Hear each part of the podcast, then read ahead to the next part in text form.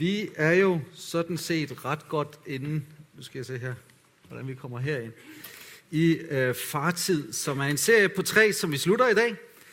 Og øh, jeg oplever, at den her tredje del, det har været en øh, serie, som, øh, eller hele serien her har været noget, der har virkelig mødt mit hjerte, fordi jeg har fået lov til at forberede det. Og øh, jeg har hørt fra flere, at det ikke kun er mig, der har oplevet det her kald fra faderen til mere fartid, men jeg tror, det er noget, som ligger over os alle sammen som menighed og som Guds børn i den her tid. Faderen vil dig. Du har en far i himlen, som længes efter fællesskab med dig. Der står flere gange i Bibelen, at Gud er nidkær. Og den eneste, det eneste synonym, som sådan bringer forståelsen frem for det ord i, i mit liv, det er ordet jaloux. For jeg kender godt til følelsen af at være jaloux. Og jeg tror, vores far i himlen er jaloux nogle gange, når vi gennemlever dage og uger, hvor han ikke får lov til at fylde i vores tid og vores kalender. Og jeg mærker, når jeg selv bruger tid med faderen, at han elsker det. At vi bare er sammen med ham, at det det her handler om. Så jeg håber, at du mærker, at han længes efter at være sammen med dig, og han har dig på sit hjerte. Så det er vidt forskelligt, hvordan han øh, ønsker at være sammen med os, og også hvordan vi udtrykker den fartid. Jeg har en, en det, vi kalder en livsforhandlingsgruppe makker, som hedder Leif Pedersen. Han siger altid, åh, jeg skal også bede noget mere, men jeg har ikke løbet så meget på det sidste. Så siger han, det er jo to forskellige ting, men det er det så ikke for ham. Han løber og bærer samtidig, og det virker ikke helt for mig. Det er noget med luft i lungerne og sådan nogle ting. Men øh, det er vidt forskelligt, og, og som far, så har jeg det selv sådan, nu har jeg tre skønne børn, og jeg ved godt, jeg kan ikke have fartid med dem på samme måde. Min søn, han elsker for eksempel sådan en film som James Bond. Og øh, vi skal have pænt tøj på, når vi ser premieren, og øh, den kommer snart igen her, og det er ikke fordi, vi kun er sammen hver fjerde år, når den anden kommer. Men, men det er bare noget særligt, øh, en god tradition. Jeg ved også, at mine piger, de øh, elsker noget kreativt. De kan godt lide café, men de kan også godt lide at komme ud på kunsten. Øhm, så det er vidt forskelligt, hvad der virkelig rammer. Nu den eneste, der er her i dag, det er Josefine, som jeg kan tale lidt til uden at bagtale. Og øh, det ultimative farøjeblik for mig med hende, det var jo det, som er illustreret her længst ude, hvor øh, det var jo en dag, der kun handlede om mig sådan set. Fordi jeg skulle jo køre, øh, køre hende afsted der, og, og vi skulle gå sammen op af den her The Isle. Det var godt nok en grussti, men det var dejligt lang. Og øh, jeg opdagede slet ikke alle de andre. Jeg, jeg havde bare den der oplevelse af, yes, sådan en smuk datter, og jeg får lov at gå med hende i det her øjeblik. Og det er stort. Der står i Bibelen, at vores himmelske far, han har udvalgt os i kærlighed til at stå foran hans ansigt. Og så står der, at han vil føre os frem uden plet og rynke. Ved du godt, han vil simpelthen føre dig frem uden plet og rynke. Prøv lige at se på din sidemand og sige, du har ingen plet og rynke i faderens ansigt. Han ser bare dig som helt perfekt og smuk. Så det er din far. Og øh, nok om alle de positive ord om Josefine. Jeg måtte jo her i ugen, øh, som I kan se i den her lille dialog på sms, skrive undskyld til hende. Fordi jeg øh, ufrivilligt omtalt hende i min tale her i øh, søndags, og jeg skrev også, det koster. Så øh, her med en invitation til sådan en fatter-datter-date, en brunch eller café eller et eller andet. Og øh, det synes hun jo er glædeligt, og hun vil godt lige vende tilbage med en dato. Øh, for hun skal lige have en eksamen overstået, og hun skal også lige have noget grænte overstået. Det er jo fint nok. Vi har jo noget øh, i vores liv alle sammen. Men øh, så kommer der alligevel nogle henvendelser i ugens løb. Der var en enkelt henvendelse. Far, jeg skal til eksamen. Printeren virker ikke. Kan du komme og hente mig og køre mig et sted hen, hvor jeg kan printe? Ja, ja, ja, det skal vi nok. Fik kørt ud og hentet og øh, hentet det der print. Og så lidt senere også, øh, så kom der en ny besked. Er der nogen hjemme? Fordi jeg skal lige have vasket. Og ja, ja, ja, det var det. Men øh, så her i går, så tænkte jeg, den dato der, Josefine. Og øh, vi skal have en dato og et tidspunkt i kalenderen. Og så kom den så på fredag eftermiddag. Og i grund til, at jeg kører sådan lidt offentlig coaching med min datter her, det er fordi, jeg glæder mig til på fredag. I kan godt høre, der er pres på den fatter-datter-date der. Vi skal i byen. Men det slog mig, at her skal der virkelig noget til for at få tid og få en caféaftale i hus med min datter. Men jeg tænker, er du klar over, hvor meget din himmelske far lægger i at få tid med dig? Er du klar over, at en af Helligåndens roller i dit liv, det er at give dig et sug og en længsel og en tørst efter fartid. Han har givet sin egen søn og åbnet en ny og levende vej lige ind i det allerhimmelske, lige ind foran hans ansigt. Han har gjort alt bare for at være sammen med dig. Og jeg fornemmer sådan, at jeg skal starte med at sige faktisk en personlig hilsen til dig. At han tørster, og han længes og savner bare at være sammen med dig. Hører du det? Mærker du det? Han vil dig. Så i den her uge, bare åbn op for Jesus. Han rører på dit hjerte, på dit liv. Åbn op for Helligånden. Han vil inspirere dig, men din far, han kalder dig. Jesus ser det i bjergprædiken som sin vigtigste opgave at koble os op på faderen. Hele 54 gange så nævner Jesus sin far i bjergprædiken, som er undervisning til os. Og han nævner det her med hans far, som er i det skjulte, og som ser i det skjulte, og han skal lønne os. Og han ved, hvad vi trænger til, og så er det den her bøn kommer, som vi skal bede endnu en gang sammen. Fordi Jesus siger, derfor skal I bede således. Er I klar? 1, 2, 3. Vor far, du som er i himlene, helligt blive dit navn, komme dit rige, ske din vilje som i himlen, således også på jorden. Giv os i dag vores daglige brød, og forlad os vores skyld, som også vi forlader vores skyldnere. Og led os ikke ind i fristelse, men fri os fra det onde, for dit er riget og magten og æren i evighed. Amen. Og det her det er jo ikke bare en bøn, vi skal bede som en ramse, men det er en outline, det er en guide til vores fartid.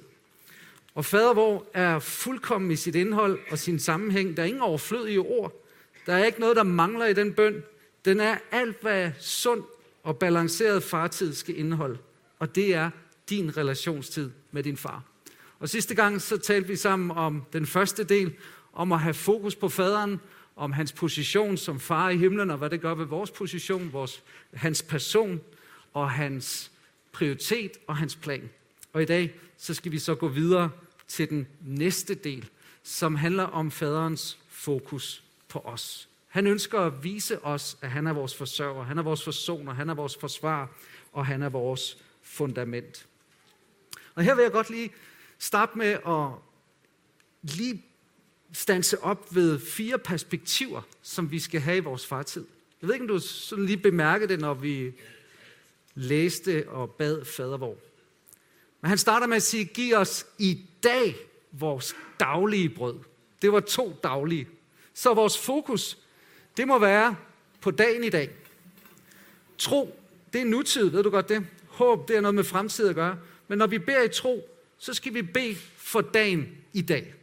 Der står ikke, giv os i dag vores ugentlige brød, eller giv os i dag vores månedlige brød, eller giv os i dag vores årlige brød, eller giv os i dag brød til min alderdom, eller min ungdom. Men nej, dagen i dag. Det er dagen i dag, som må være dit fokus. Så når vi beder, giv os i dag vores daglige brød, og når vi har fartid, så må vi have et fokus på dagen i dag. I dag er nådens dag. I dag er frelsens dag. Se, nu griber han ind. Det er det vigtigste hovedudgangspunkt, at være i nuet og leve i nuet, og passe på med ikke at bekymre sig for meget om i morgen. Dernæst, så er det tydeligt, at bønden og fartiden må også række tilbage. Fordi når vi beder at forlade os vores skyld, som også vi forlader vores skyldnere, så er vi i gang med at få hjælp af vores himmelske far til at få ryddet op i vores fortid. Fordi vi er klar over, når vi kommer ind for vores far, så har vi en nutid, og det må være vores fokus, men vi bærer os på en fortid. Og vores himmelske far dealer ikke kun med vores nutid. Han vil også hjælpe os af med det, der tynger i vores fortid, vores skyld, vores fordømmelse, vores skam. Relationer, som klæber sig til os og faktisk giver sønderbrudte sårede hjerter, hvor han vil ind og hele. Så du skal regne med, at når du kommer ind foran din far, så sætter han dig fri for din fortid, så du kan være til stede i din nutid, og så se med hans view på din fremtid. Fordi fadervor er også en outline og en vejledning i, at vores bøn må ikke bare dele med nutiden og fortiden, men du må faktisk begynde at bede ind i din fremtid. Prøv at lige overveje dit eget bønsliv, evaluere det lige på nogle få sekunder her. Hvor meget din bøn handler om dit nu, om dit i går, eller sidste måned, eller sidste år. Hvor meget handler om din fremtid. Din far, han vil være så meget sammen med dig på de her fire perspektiver, at, at du også i din bøn og i din fartid bliver optaget af din fremtid. Jeg kom til at tænke på afslutningen af, at Davids bøn, og David var jo en mand efter Guds hjerte. Herren er min hyrde, jeg skal ikke mangle, og alle de skønne ting, han siger i hans bøn. Hvad er det, han slutter med? Så begynder han at tale ind i sin fremtid. Kun godhed og trofasthed følger mig alle mine dage, og i Herrens hus skal jeg bo til evig tid. Han taler ind over sin fremtid. Han er optaget også af forebyggende bøn, beskyttende bøn, og det skal du og jeg også være. Og for det ikke er løgn, så skal vi have perspektivet også på vores evighed. Så vores nutid, vores fortid, vores fremtid, men sågar vores evighed er med i vores fartid. Fordi bønden slutter for dit ride magten og igen i evighed. Amen. Hvad tror I, det gør ved vores dødsangst? Hvad tror du, det gør ved din måde at se på livet på? At det ikke bare de der 70, 80, hvor mange år du får, 100, 120 år. Vi ved det ikke helt. Men nej, der er et liv efter døden, og vores far har også der ride, magten og æren. Så vi taler også ind i vores evighed, når vi er sammen med vores himmelske far. Så vi møder vores hverdag med perspektiv på vores nutid og fortid og fremtid og evighed. Det er fire perspektiver, som jeg ikke lige tidligere har tænkt på som vejledende ind i vores fartid. Og jeg tror nogle gange, så er vi tilbøjelige til at sige, ah Gud, der kommer noget der efter sommerferien. Hvad skal der ske i august? Og så bliver vi så bekymrede, ikke? Så bekymret. Og vi begynder at tænke, ej, og så fylder det, der kommer derude, i stedet for at vi hviler i dagen i dag, og siger, her, giv mig i dag mit daglige brød, og det kan sikkert lade sig gøre her.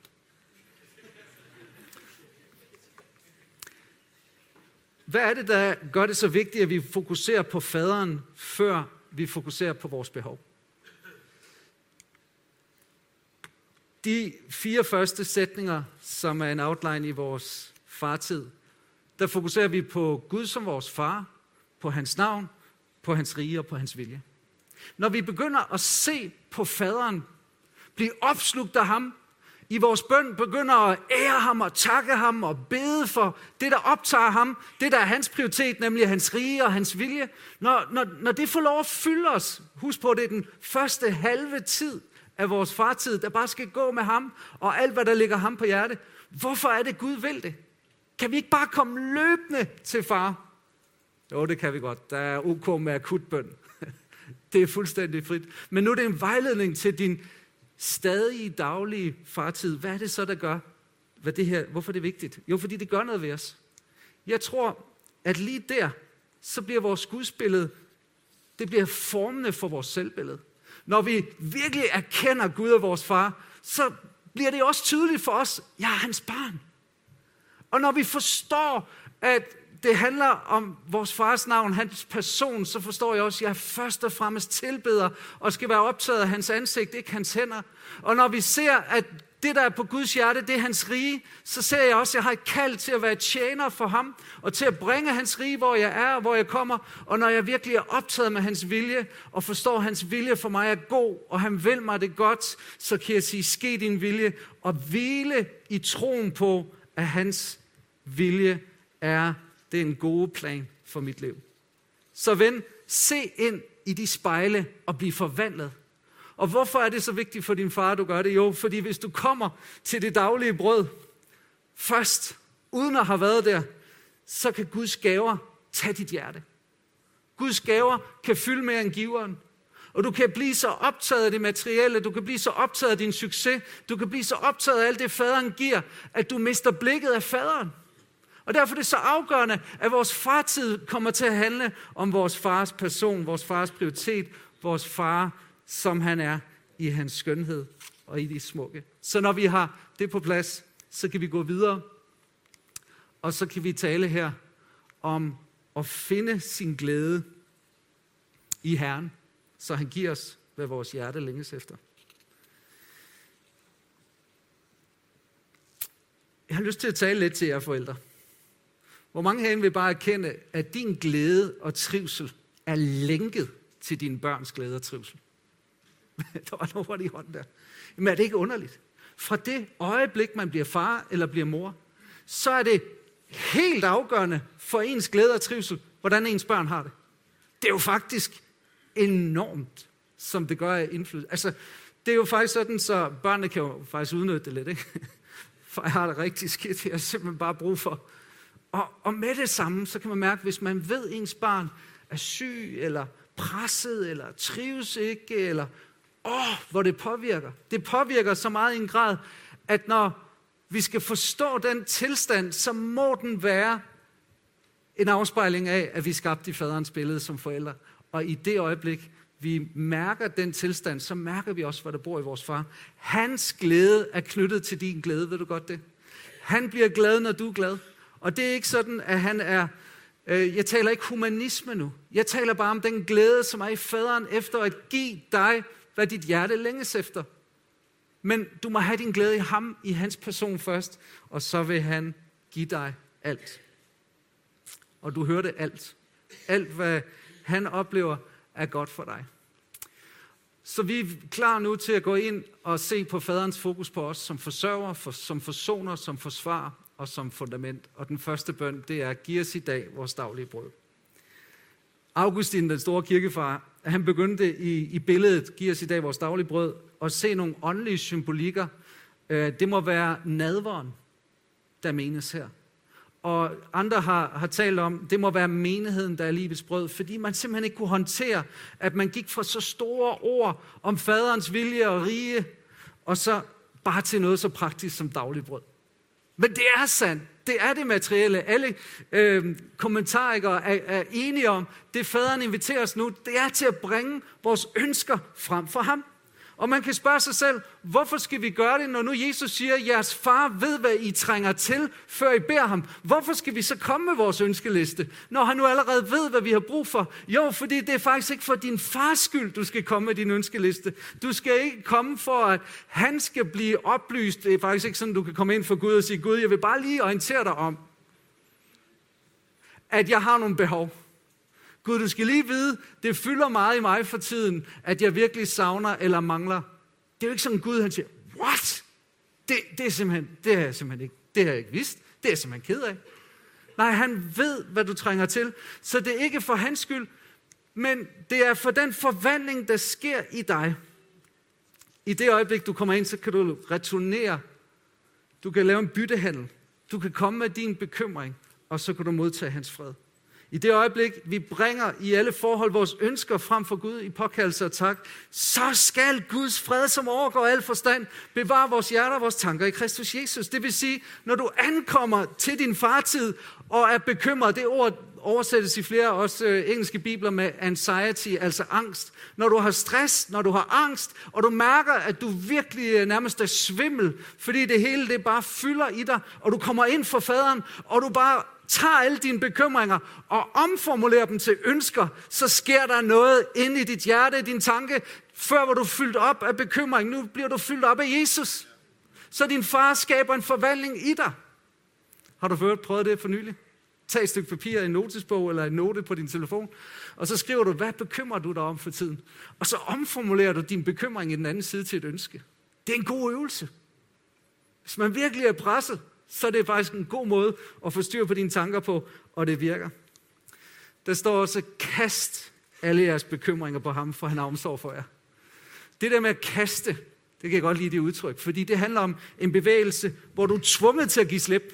Hvis ikke du giver slip på bekymringen, så kaster du sådan set dig selv, så smider du dig afsted. Ikke? Så det er at tage fat i en bekymring, og så kaste den afsted. Han har omsorg for dig. Han er din forsørger. Jeg glemmer ikke, da min hustru og jeg, vi, vi, vi, øh, vi var egentlig glade nok for at bo, hvor vi boede i en lejlighed i Højgladsaxe, som var sådan lidt et socialt belastet område. Der var god plads i lejligheden. Det var bare blevet mere og mere et behov for vores tre børn at komme på græs. Og vi var jo begge to fra Jylland og voksede op i nogle villager.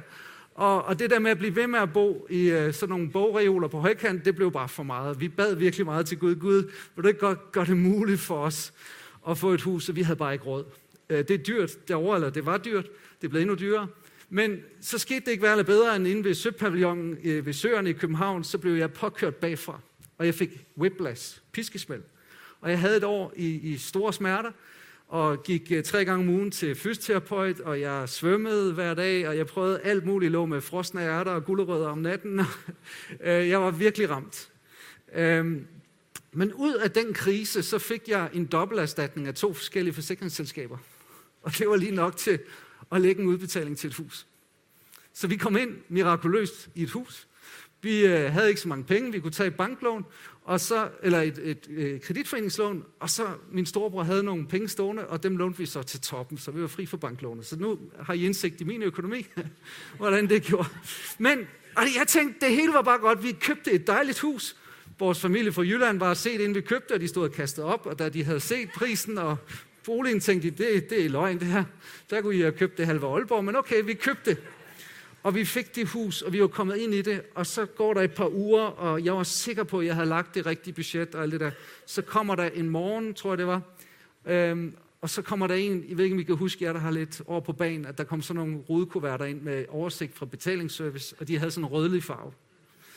Og jeg foldede ud, og der var ikke bare en side, der var flere sider, de kom sådan på stribe. Og så havde jeg simpelthen overset ejendomsskatten, ejendomsværdiskatten, og jeg tror også, der var nogle andre ting. Så vi stod bare et blodrødt minus på 15.000, og jeg kiggede på Mette, og hun var bare helt væk i bekymring.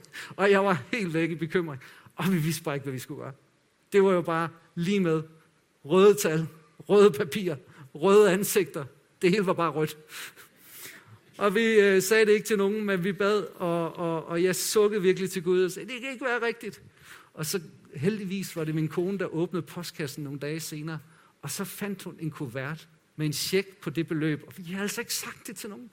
Og vi har ikke prøvet det før eller siden. Men det blev sådan en illustration for os begge på Guds omsorg. At tænke Gud også ind i sådan en situation vil være forsørger. Vi tjente kassen på det hus der. Vi snød alle de københavner der. Kom lige herover, og Gud velsignede det så meget. Det var så godt. Og jeg tænker bare, Guds godhed. Guds godhed. Lad ikke kærlighed til penge bestemme jeres adfærd. Den har jeg lige bestemt her. Men stil jer tilfreds med det, I har. Gud har selv sagt, jeg lader dig ikke i stikken og svigter dig ikke. Derfor kan vi formodet at sige, Herren er min hjælper, jeg skal ikke frygte. Hvad kan et menneske gøre mig? Når jeg tænker på, hvor meget Gud går op i små praktiske ting i mit liv, så bliver jeg bare så overrasket over hans godhed. Han ønsker at være forsørger for dig også. Han ønsker også at være din forsoner. Vi skal lære at bede bønden, forlade os vores skyld, som også vi forlader vores skyldere. Nu fokuserer vi på faren som forsoner. Vi kommer med vores skyld frem for ham. Det her ord, der bliver brugt, betyder også gæld. At synde, det betyder at skabe skyld over for Gud og skyld over for andre. Og vi kan ikke afdrage den gæld selv. Vi er afhængige af en forsoner, og Gud sendte sin søn, Jesus Kristus. Og Bibelen siger, at når vi vandrer i lyset, ligesom han er i lyset, så har vi fællesskab med, øh, med hinanden, og Jesu, hans søns blod, renser os for al synd. Og hvis vi bekender vores synder, han trofast og retfærdig, så han tilgiver os vores synder og renser os for al uretfærdighed. Prøv at lægge mærke til ordet bekender. Nøglen her, det bekender. Ordet bekender betyder at sige det samme som. Hvis du siger det samme som dit hjertes tilstand, som Gud han siger om det. At hvis du har syndet, så kalder han det synd, og du kommer ind for ham og siger, far, jeg har syndet, så står der, så er han trofast og retfærdig, så han tilgiver din synd. Og renser dig for al uretfærdighed. Hvordan? Ved Jesu Kristi blod. Og den måde at leve på, og dagligt bekende sin synd, det handler om at leve i lyset. Det beskrives her som at leve i lyset, og det er farligt. Det er godt. Øh, og, og at leve i lyset, det betyder, at du har en vane med at bekende din synd. Og nu skal du ikke komme ind for faderen og begynde at grave i din fortid, og komme ind for Gud og sige, åh, nu bruger jeg lige tre kvarter på at tage hver eneste tanke og følelse og handling, der er sket på det sidste. Nej, du beder, far, vil du ikke godt vise mig, rense af mit hjerte? Er der noget i mit hjerte, som jeg har gjort, nogle handlinger, nogle tanker, nogle attityder, som er synd, så vis mig det ved din hellige ånd. Og hellige ånd overbeviser om synd om retfærdighed, så han skal nok afklare det for dig og så bekender du din synd. Du siger det samme, som Gud siger om det. Siger du, far, jeg har syndet, jeg ved det godt. Jeg har udsat mig selv for det der, det skulle jeg ikke have gjort. Jeg sagde det der, det var sårende, det skulle jeg ikke have gjort, og så videre. Salmisten beder endda for sine uforsættelige synder, og så får du renselse ved hans blod. Prøv at lægge mærke til det, når vi vandrer i lyset af hans søns blod. Renser den grammatiske stilling for ordet renser der, det er noget, der sker hele tiden. Jesu blod, det virker hele tiden. Så længe vi lever i lyset. Men går du ind i mørket og ophører med at bekende din synd, får du ikke syndsbekendelse ind i din fartid, så virker Jesu blod ikke. Du bliver nødt til at bekende din synd. Du bliver nødt til at bekende og sige det samme som faderen om din søn. Og hvis ikke du gør det, så får du det rigtig skidt. I Salmernes bog, så står der sådan her, kapitel 32. Lykkelig den, hvis overtrædelser er tilgivet, og hvis synder er blevet skjult. Lykkelig det menneske, som Herren ikke tilregner skyld, og hvis sind der ikke er svig. Lykkelig, lykkelig, lykkelig. Da jeg tav, altså ikke bekendte, synede min krop hen, mens jeg stønnede dagen lang. For dag og nat lå din hånd tung på mig, min livskraft svandt ind som i sommerens hede. Sela, tænk lige efter. Det var depression, psykosomatiske, psykiske lidelser. Det var en træthed.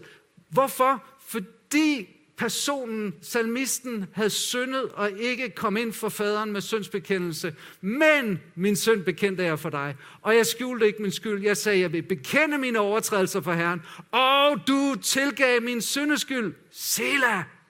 Stop op og tænk efter. Så her er vejledningen. Bekend din synd, oplev renselse og gør det i din fartid. Og, siger Jesus videre med Matteus evangeliet, når du derfor bringer din gave, kommer til fartiden, og der kommer i tanke om, at din bror har noget imod dig, så lad din gave ligge der, ophør bønden, og gå først hen og forlig med din modpart, så du kan komme og bringe din gave. Efter det er forholdet her, I kan godt se på korset hernede, der er nogle pile. Korsets struktur, det er en lodret planke, øh, som handler om dit forhold til din far, og så en vandret planke, der handler om forholdet til din næste. Forlad din bøn Gør op med din bror eller søster, din ven eller medmenneske, som bærer nag til dig, eller du bærer nag til dig, og få det gjort op. Fordi Jesus siger, og det er som om, at han gør den her bøn til den vigtigste i fader, hvorfor det er den eneste, han kommenterer på bagefter. Og så siger han, for tilgiver I mennesker deres overtrædelser, vil jeres himmelske far også tilgive jer. Men tilgiver I ikke mennesker, jer, øh, vil jeres far heller ikke tilgive jeres overtrædelser. Du bliver tilgivet af din far, når du bekender din søn. Og det gør du, så længe du tilgiver dem, som gør noget ondt ved dig.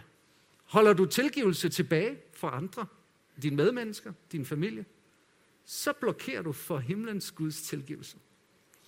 Det er derfor tilgivelse af hinanden som Guds børn er så afgørende vigtigt. Der står også i 1. Peters brev, og det er ikke et yndlingsvers, men det er et erfaringsområde for mig, i mænd, I skal være hensynsfulde over for jeres hustruer, I skal ære dem i alt. Så står der lige lidt senere i samme vers, at for ikke, at jeres bønder skal blokeres. Så vi mænd, vi kan nok synes, vi kan komme ind på fartid der, og så pludselig komme i tanke om, at vi har såret vores hustru, vi har ikke æder hende, vi har simpelthen ikke behandlet hende ordentligt. Og så er der altså bare lukket for det varme vand. Så kan du råbe og skrige til din himmelske far. Han sidder bare deroppe og siger, du kan lige komme i gang med at snakke med din kone først.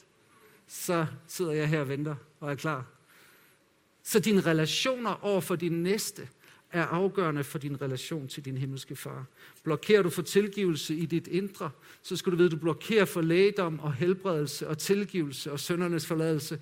Derfor er det her jo en skræmmende bøn, hvis du har tænkt over det tilgive vores skyld, som vi tilgiver vores skyldner.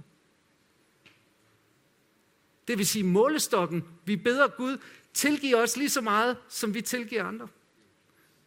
Au. Jeg vil da gerne have, at Gud tilgiver lidt bedre, end jeg gør.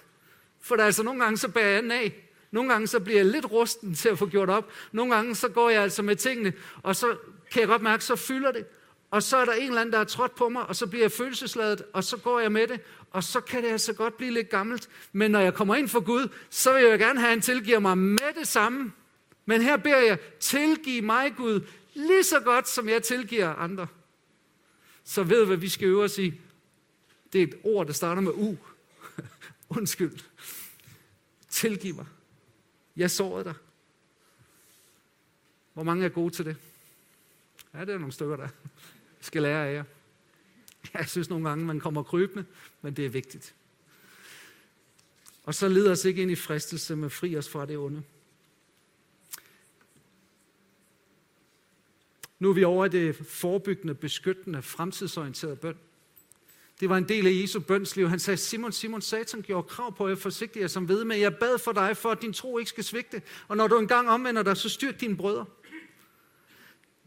Jesus er i bøn for måske sine disciple, og så beder han for Peter, og profetisk viser faderen ham, at der kommer til at ske noget i Peters fremtid. Og Jesu bøn for Peter ud i fremtiden gør, at Peter nøjes med at fornægte Jesus, omvender sig og kommer tilbage, så han bliver genoprettet. Jeg tror, Jesu bøn for Peter var afgørende.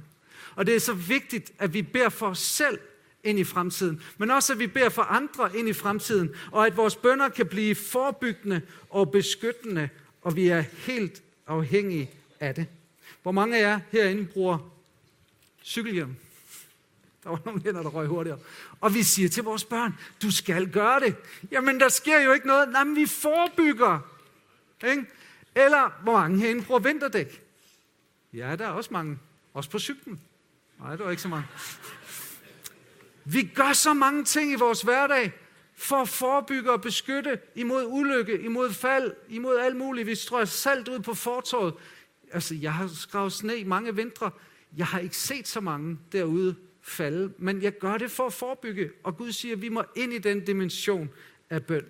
Han siger, hvor og bed om ikke at falde i fristelse, for ånden er villig, og kødet er skrøbelig.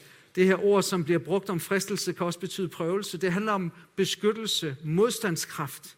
Vi kan ikke vinde over fristelsen alene, men beskyttet af faderen, så kan vi med den fulde rustning, som Paulus han taler om i Efeserbrevet 6, som øh, han sidder i en fængselscelle og givetvis er bundet, linket til nogle romerske soldater og bliver nok inspireret af den metafor og se på dem i deres rustning. Og der bliver han klar over, at vi har jo en frelsens hjelm, som beskytter vores sind og tanker.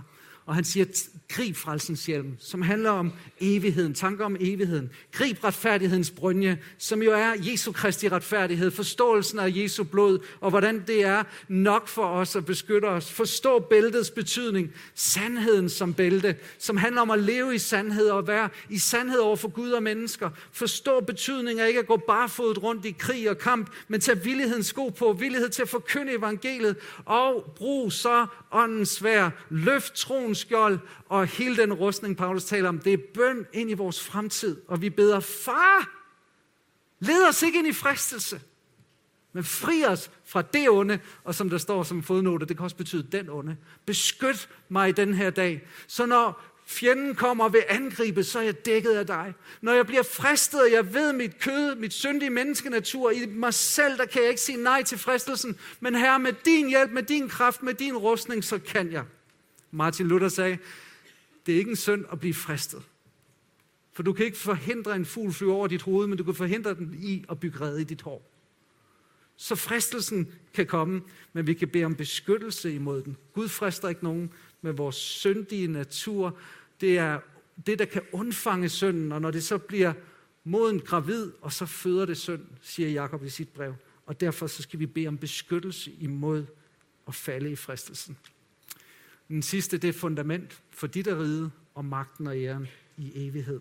Og prøv at lægge mærke til her, at nu relaterer Jesus bønden opad igen. Det er som om riget, det er jo dit rige. Magten, det er din vilje. Æren, det er dit navn. Så ligesom vi slutter med at komme ind foran ham i tilbedelse og tak og lovsang, så skal vi slutte på den måde. Det er også som om for mig, at fader vor og fartiden, der er også noget trosproklamation i det. For dit er ride, far. Magten og æren i evighed. Nu, nu taler vi det til vores far. Vi taler det også ind i åndeverdenen. Vi taler det til vores egen sjæl. Som David, der siger, min sjæl lov Herren, og glem ikke alle hans velgærninger. Så det er også en trosproklamation for dagen. Det er en trosproklamation for hele mit indre system. Prøv at lægge mærke til, hvor få spørgsmålstegn der er i den bøn her. Der er nærmest kun udråbstegn. Og jeg har tænkt over den der, når du studerer det på græsk, så kan du se, at det er som om, de har ført udsagnsordet over og sagt, ske, komme. Der, der er sådan noget bydende i det, og det taler lidt om den tillid og frimodighed, vi har inden for vores far, på grund af Jesu navn, og på grund af Jesu blod, og på grund af Jesu person. Så vi kan slutte bønden af med, for dit er riget, magten og æren i evighed. Amen. Så vi kan gøre ligesom Meghan og Harry. Vi kan abdicere for tronen. Vi kan slippe kontrollen. Det er ikke mit rige, det er ikke min magt. Jeg kan ikke styre mit liv, men far, mit liv er i dine hænder, så jeg abdicerer nu. Jeg skal ikke være konge i mit rige. Du er min konge. Jeg skal ikke styre alle situationer. Du skal styre. Jeg skal ikke regne hele mit liv ud. Du, far, har styr på mit liv. Amen. Så fokus på faderen, og faderens fokus på os. I Jesu navn.